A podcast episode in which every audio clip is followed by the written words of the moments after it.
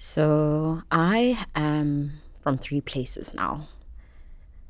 Born in KwaZulu Natal, brought up in Johannesburg, and have currently made Cape Town my home.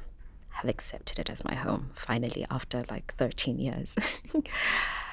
um, I think these movements have sort of been under the the fabric of my practice in thinking about South African histories, in thinking about um, colonialism, apartheid, and how it shapes individuals today, not just um, not just I suppose um, myself as as a South African black woman, but also thinking about how it has shaped me in in how I think about my spirituality.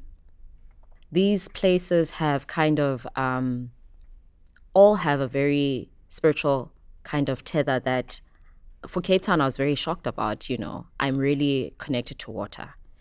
And when I tried to move back to Johannesburg, where I grew up, and surely I should have a connection, but the connection is not really there anymore.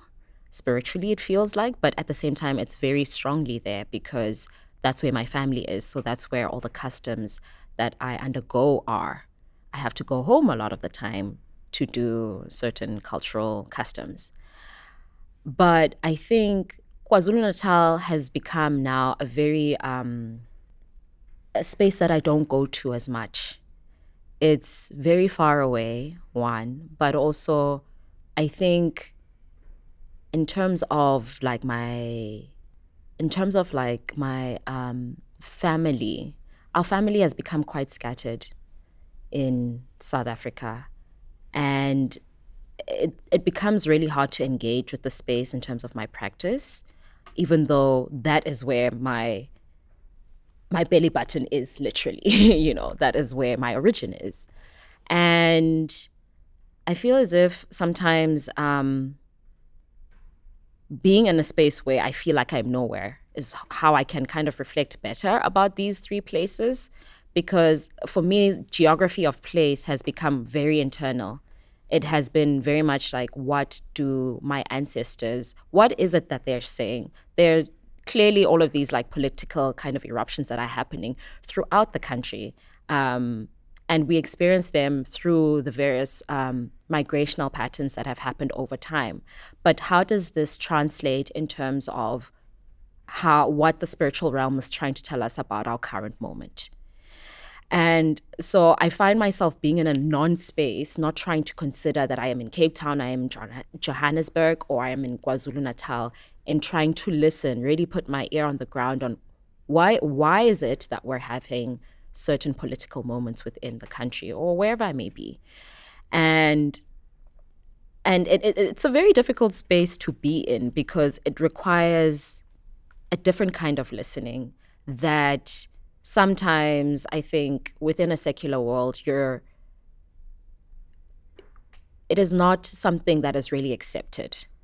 Um, being present all the time is something that has become a norm and it it it it, ha- it feels like it needs to be like a a very mental and spiritual exercise to listen with your other ears in trying to actually figure out what the way forward may be.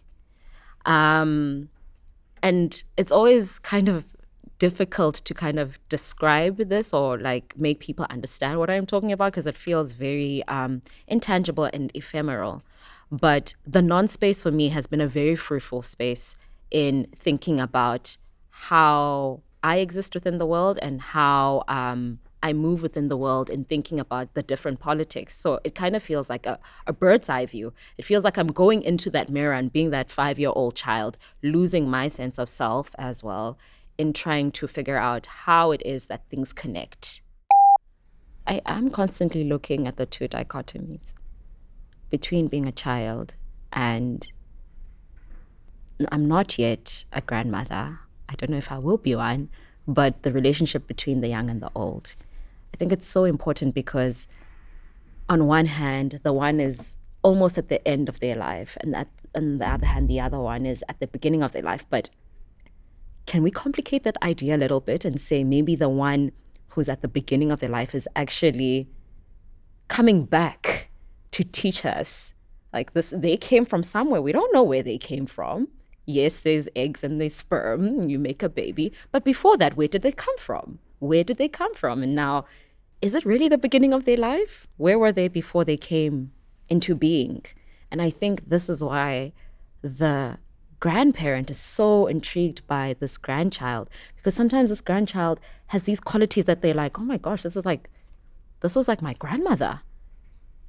Is she reincarnated into this child's body? What what's happening? You know, they try to learn more about themselves through looking at this young, fresh being.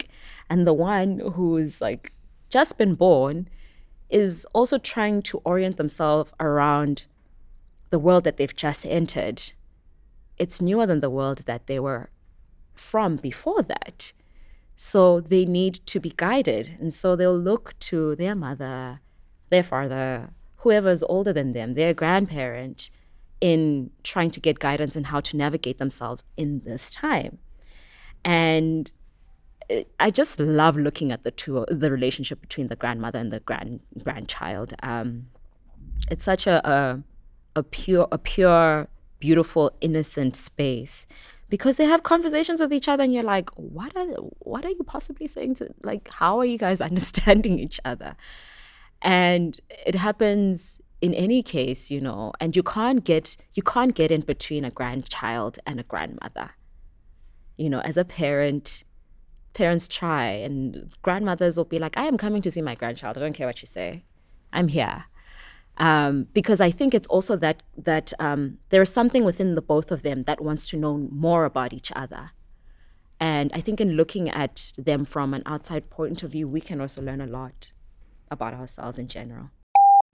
I have been deeply inspired by my great grandmother for a very long time um, within my work and in my daily existence. She did pass when I was very young.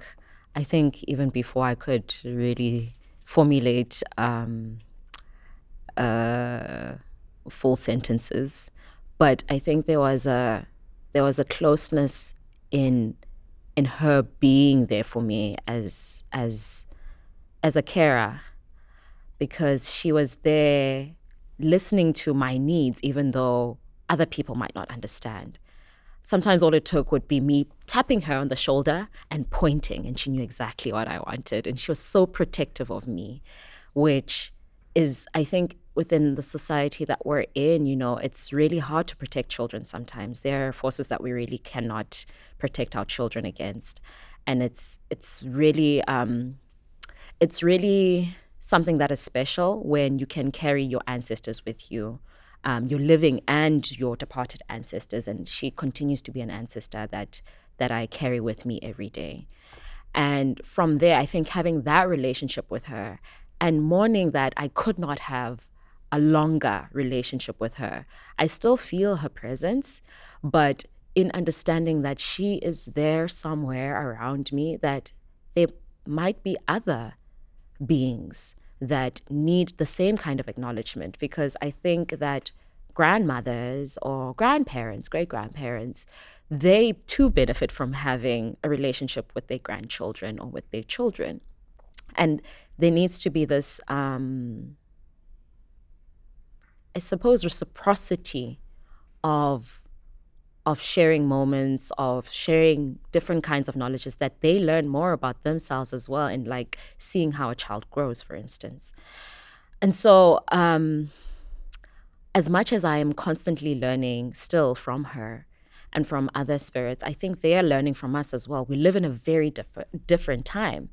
You know, we've got technology now. We have all of these disasters that they may have gone through, but we are encountering them in a different way because of certain kinds of revolutions, or not revolutions, but rather um, evolutions, and and so I think the the connection to spirit and speaking about it in a Western context, I, I find it very difficult because now I need to think from um, um, the positionality of a Western audience, but from my own positionality, where I don't even have to to to explain it. It's that tap on the shoulder that I used to give her and point, and she would know exactly what it means, right? And so with connecting with some of these beings, some of them I will identify and, and say, I would like to think about Sarah Baartman. I would like to think with Sarah Baartman. Baartman. And then a work comes about. But some of them come to me, such as um, the spiritual being that is the Zimbabwean bird from Great Zimbabwe. And with that, I think that was the first, maybe the first time that I was physically conscious of the spiritual nature of my work and not ready to do something about it, but literally willed to do something about it. I had I had no business making artwork during that time, to be honest. I was starting my master's um, degree at at the University of Cape Town, and I was having a very difficult time. I was having um, a difficult time because the issues that the students were talking about. So a, uh, a moment, a movement was starting to erupt where the students were asking for the Rhodes statue to be dismantled, to be taken down. And I heard this and I was really not interested in it. I'm not even going to lie. I was not interested in the movement because I had my own personal um, challenges that I needed to grapple with. And I had been starting a master's degree, had no money for, and I I couldn't I couldn't secure a place to stay. And for me this was the biggest stressful factor. But little did I know that these were some of the issues that the students were talking about. That you have a lot of black students who are coming outside of the province to embark upon their studies, and they don't have the same kinds of um, um, opportunities, environments that their white counterparts would have. And this makes it very difficult for them to be able to learn at the same pace, same um, to be as competitive because there's bread and butter issues, really. And so at the time, I was looking for a place to stay, jumping from one one part of the city to another, in between trying to study and put together a proposal for my master's study. And the engagement was quite violent because it was it was because it was because um, I was black that I couldn't find a place to stay because I had I had proof that I could actually afford to to um, to rent an apartment. I was going to be renting with my partner at the time, but there were very uncomfortable interactions that I won't necessarily speak about, where I was confronted by um, some of the owners of these agencies, these rental agencies, and so I was at the same time, this bird decides it's a time to pop up into my consciousness and say, Hey, I'm here. And I'm like, Okay, who are you? And I kept on experiencing and seeing visions of this this bird almost every night during that time. And at some point I sat up and I was like, okay, fine. All of this personal um, um, challenges are happening, but there's there's something else here what what is it? There's a whole student movement that is um, surfacing two years after I had been looking at issues around statuary and monuments, and this movement is symbolically looking at statues and and and and and monuments as part of the ideological problems within our society and the the ideological problems within the university. So, what does this mean? What does it mean? I was like, okay. And then I parked the idea. I was like, whatever. And it kept on happening. So it, it really felt like I, it, it was it was an irritation. I, it really felt like I needed to deal with this. So then I started looking up if there was any kind of connection between a bird and Cecil John Rhodes, and there was, to my surprise and and so i was like oh that's okay that's interesting but i need to i need to focus on on on looking at black women's histories. I don't know what this bird is. I don't know what like it was so confusing you know? And um but then I started to, I suppose, um, bring her into being by making her wings, um, conjuring her into existence so that she would hopefully leave me alone. And she didn't. And then on the day that I was meeting my supervisors, um, I was just making conversation because I wasn't prepared for the meeting for for obvious reasons, and so I started talking about the student movement. They're like, "Oh yeah, this the statue's coming down today." I'm like, "No, it's not," because for me it was just unfathomable that something like this would happen. And they're like, "Yes, it's coming down today by 5 p.m." I was shocked and I was like, I have to go. And they're like, What do you mean? We've got a meeting with you. I was like, I really can't explain. I really can't explain. But you see, I think for them, because they didn't really understand my practice at the time, that it, it, it felt like it was from that Western understanding where we need to know, explain to us exactly, you know, what happens when. we need to understand what is it that you're doing we, we need to we need to put it in an academic languaging that we need to theorize it and canonize it. And i was like it is happening today. What is happening?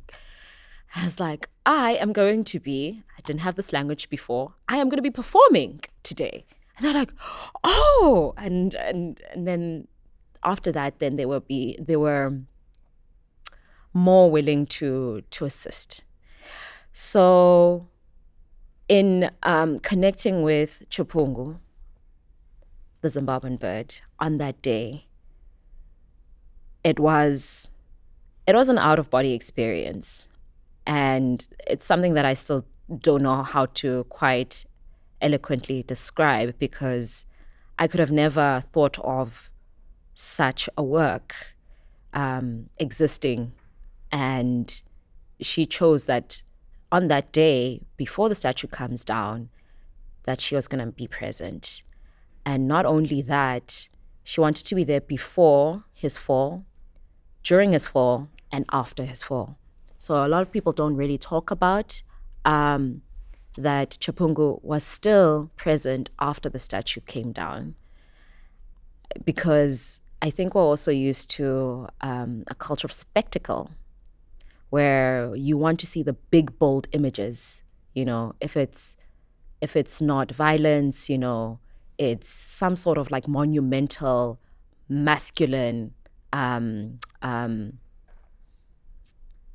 uh, what can i call it? Uh, angling of of an image of the composition. And so when the statue was no longer there her presence didn't make sense for a lot of people, but for some people, they were like, oh, wow, she's still there. Now, for some people, now they could see her because he was no longer there. Oh, she's still standing there. How, how much longer is she going to stand there? Oh, this is so powerful. He's gone and she's there. Um, and so with like inhabiting some of these um, stories beings women it's it's it's a real negotiation and that's as simple simple as i can like put it. Yeah. I think it's very difficult being an artist in this time um, and i think when i come to Western spaces that there's a lot of explaining of self that takes away from the conversation of the material quality of what conversations can be if we were from the same context that I struggle with a lot. Because then there's like a double consciousness that I do want to kind of have conversations where I can look at the complexities of and nuances of issues around different spiritualities. And it's it's also quite sad because a lot of the audience that consumes my work is from a Western perspective. And so I'm not necessarily having these conversations internally within my own context. and sometimes it then it then it does feel like I'm having conversations by myself or with with um, with entity ent- entities that are that are with within my consciousness. I suppose in thinking about things like wellness, it is very strange that that there's this big disconnect that this this that there's this this big disconnect because people are so far gone. They to describe ourselves as as people as humans and plants animals that's nature. So separate. There's no distinction really. And it's the separateness that has caused a lot of our problems that relate to mental well being, um, spiritual well being, well being just in general. My short film, Isimo, addresses some of these issues where in the beginning, the, the, the, the um, matriarch, the ancestral matriarch, says something along the lines of before the illness of the decade, referring to COVID, there were so many illnesses that had already consumed you um, and in this statement, she really is talking about that we've been we've been so disconnected from ourselves and from from anything that and I say ourselves because I'm talking about nature as well, because that is ourselves. We've been so disconnected from ourselves and this has created the the disease it's created the illnesses that we are finding within society. So not just um, the illnesses that are bodily but that are also quite social. We should not have, be having to negotiate um, laws around climate you know that companies need to reduce gas emissions. We should not. This should be something that is understood that oh if we pollute our earth that equals death. It's simple. We are killing ourselves, not human beings, not plants, not every everything is being affected by this. And so in this short film, the ancestral matriarch is really looking at a, a curriculum of of being in this time or during the time when we had the the um, level five lockdowns, that's what we called it in South Africa, um, looking at this curriculum of being, because children were not at school at the time, which meant that they were still needing some sort of education. And so they looked around, and whatever they were seeing, that was still information, that was still knowledge. If they saw their parents or their caregivers um, being anxious, they were learning how to become anxious adults eventually. So, what does it look like to create a curriculum within a distressful time that pertains to wellness? And this is what Isimo was doing that let us go back into looking at practices that are embedded within um, natural environments, looking at what a stone might say, what the river has to say, what what the trees have to say. And I think from a Western understanding, it sounds very um, kumbaya, you know, and it's relegated to like a hippie lifestyle. But I think this is very dismissive. This is very dismissive way of addressing that there are real issues that pertain to our being and we're not addressing them for various reasons. And that if we gave ourselves the opportunity to look within a lens of of and I, am always going to be biased and say African spiritualities because it's very the, the the whole climate conversation, which is what the hippies are doing, is also still from a very whitewash Eurocentric position. There are many many um, cultures, indigenous cultures, that have been pioneers in speaking about these issues of taking care of our environments, of taking care of ourselves for a long, long time, and we haven't listened. Now we're listening with um, activism ears, which shouldn't be the case. And activism is a very important. It's a very important. Um, what can I call it? It's very important within our society. Activism is very important within our society, But I think there needs to be different kinds of activism.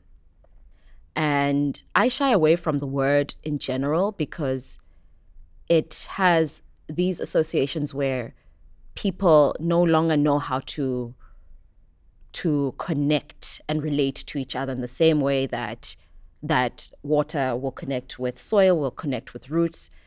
It becomes a very violent language because then I mean, this is where it's so poignant. Where, where when we when we think about Audre Lorde's um, um, phrase, where she says, um, "The master's tool." What is it? You, you, cannot dismantle the master's house with the, master, the master's house with the master's tools. Um, we use the same violence in talking about what needs to be right. And that then makes people not want to listen at all. It becomes a very harsh way of engaging with the issue. And yes, there may be some change, but it might affect um, a bigger change that can happen. So, yes, that kind of violence needs to exist, I think, but there needs to be, did I say violence? No. That kind of activism needs to exist that is that can be militant but there also needs to be a different kind of activism which i feel maybe activism is not necessarily the word because it's it's a way of being really. Um, and so the ancestral matriarch i think is reminding us of this that we shouldn't just be listening to what is happening in the newspapers. We shouldn't just be um, anxious about what needs to change but we should actually slowly just embrace the change by being the change, by the different activities that we do on the everyday. And sometimes that is going to go against policies and laws, like going into the mountains and, and cultivating that space. And but also like living off of um, the produce that's on the mountains. Like in South Africa, for instance, um, some places that are considered protected sites have become um, protected by legislation, but then it criminalizes people who've been living there, the indigenous people, the Koina people, the Rastafarians, who use the produce that is off of the land to heal themselves, to heal the general po- uh, population that don't know how to plant anymore, don't know which plants to use to take care of themselves. And then there's this disconnect, really. It's like, how we have legislations, yes, to to to make sure that there's order, but then the same legislation can be violent.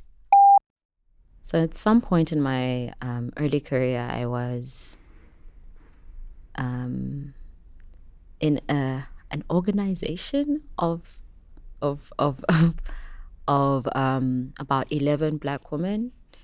It was very hard for us to embrace this word collective our name was iQhiya or is iQhiya. And we thought of ourselves as a network, but everybody else gave us the terminology collective.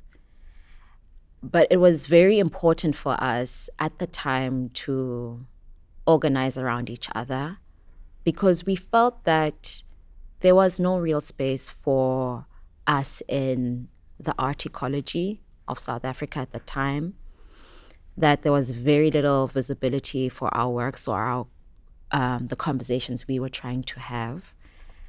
And at first, it was just a space for us to speak about our difficulties, our challenges.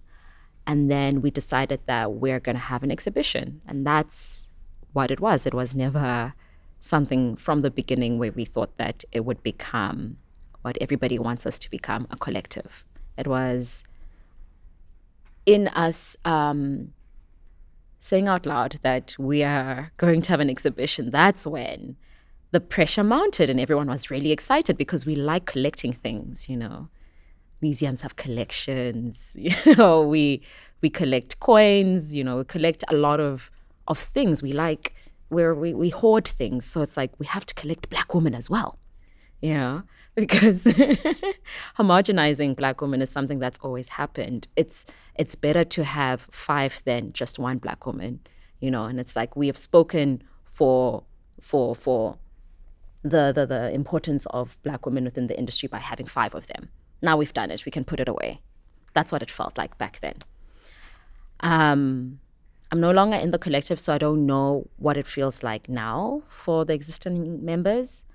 But it was it was a good space for us to imagine what it would be like to have ourselves heard by hearing each other and then projecting ourselves and our our concerns, our futures onto walls and and claiming the space as our own.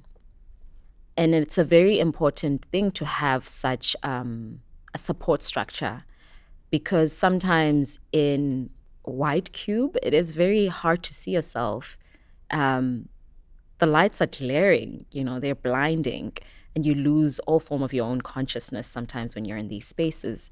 And so to have more than one was that tap on the shoulder you know that yes it's okay and you pointing out it's like yes i see it i see it and we'll do something about it. Um, and this is something that sometimes when you don't have that support around you and you're in this space, then for me personally, it is good to know that they may not be physically here, whether it is um, some of the members that are now very good friends of mine, or my mother is not here, or my aunt is not here. Um, but but they're here with me and my ancestors are here with me. And it's like a very important thing that I carry with myself as I move into different spaces and museums around the world because it can get very lonely and it can be very difficult to kind of hear your own thoughts and and be present because there's the pressure to perform um, and this is why I hate the word performance art you know it feels like it's a real effort you know there's a something very spectacle and theatrical about it. Um, and so it really does soothe me and calm me when i think about the collectiveness for lack of a better word of having these support structures with me whether it be um, people who are still here and those who are no longer here. I think when we focus on the issues around that w- that we're grappling with, that's when we have really fruitful conversations, and it makes it worth the institution also reaching out to the artist or collaborating with the artist in highlighting these conversations that are really important and need, needed to have. I don't think the location is always the the priority in trying to speak about these issues.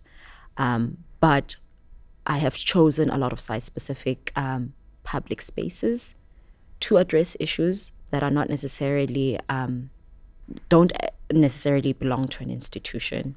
And different conversations happen in there than they would within, um, within a formal structure, within an, an institution. And when um, curators see that and they want to bring it into um, a museum, it's always um, museum or institution. It's always interesting and how the work can transform in that space? Am I given the freedom and the trust? Because it's that's what it's about. It's trust between the institution and the artist. Are we given that trust to actually put together a work in its vision as it looks within yourself or feels within yourself? And is that trust um, felt on both sides? Or is it a power dynamic where it feels like um, perhaps the institution may like your work, but they really want a very small aspect of it. It's like take take space, take up space, but not too much space. You know, um, I think I think it's really important to have um, an honest and really um, open kind of um, engagement when when an institution and an artist decide to collaborate with each other. And I'm always happy when there is that freedom that is given.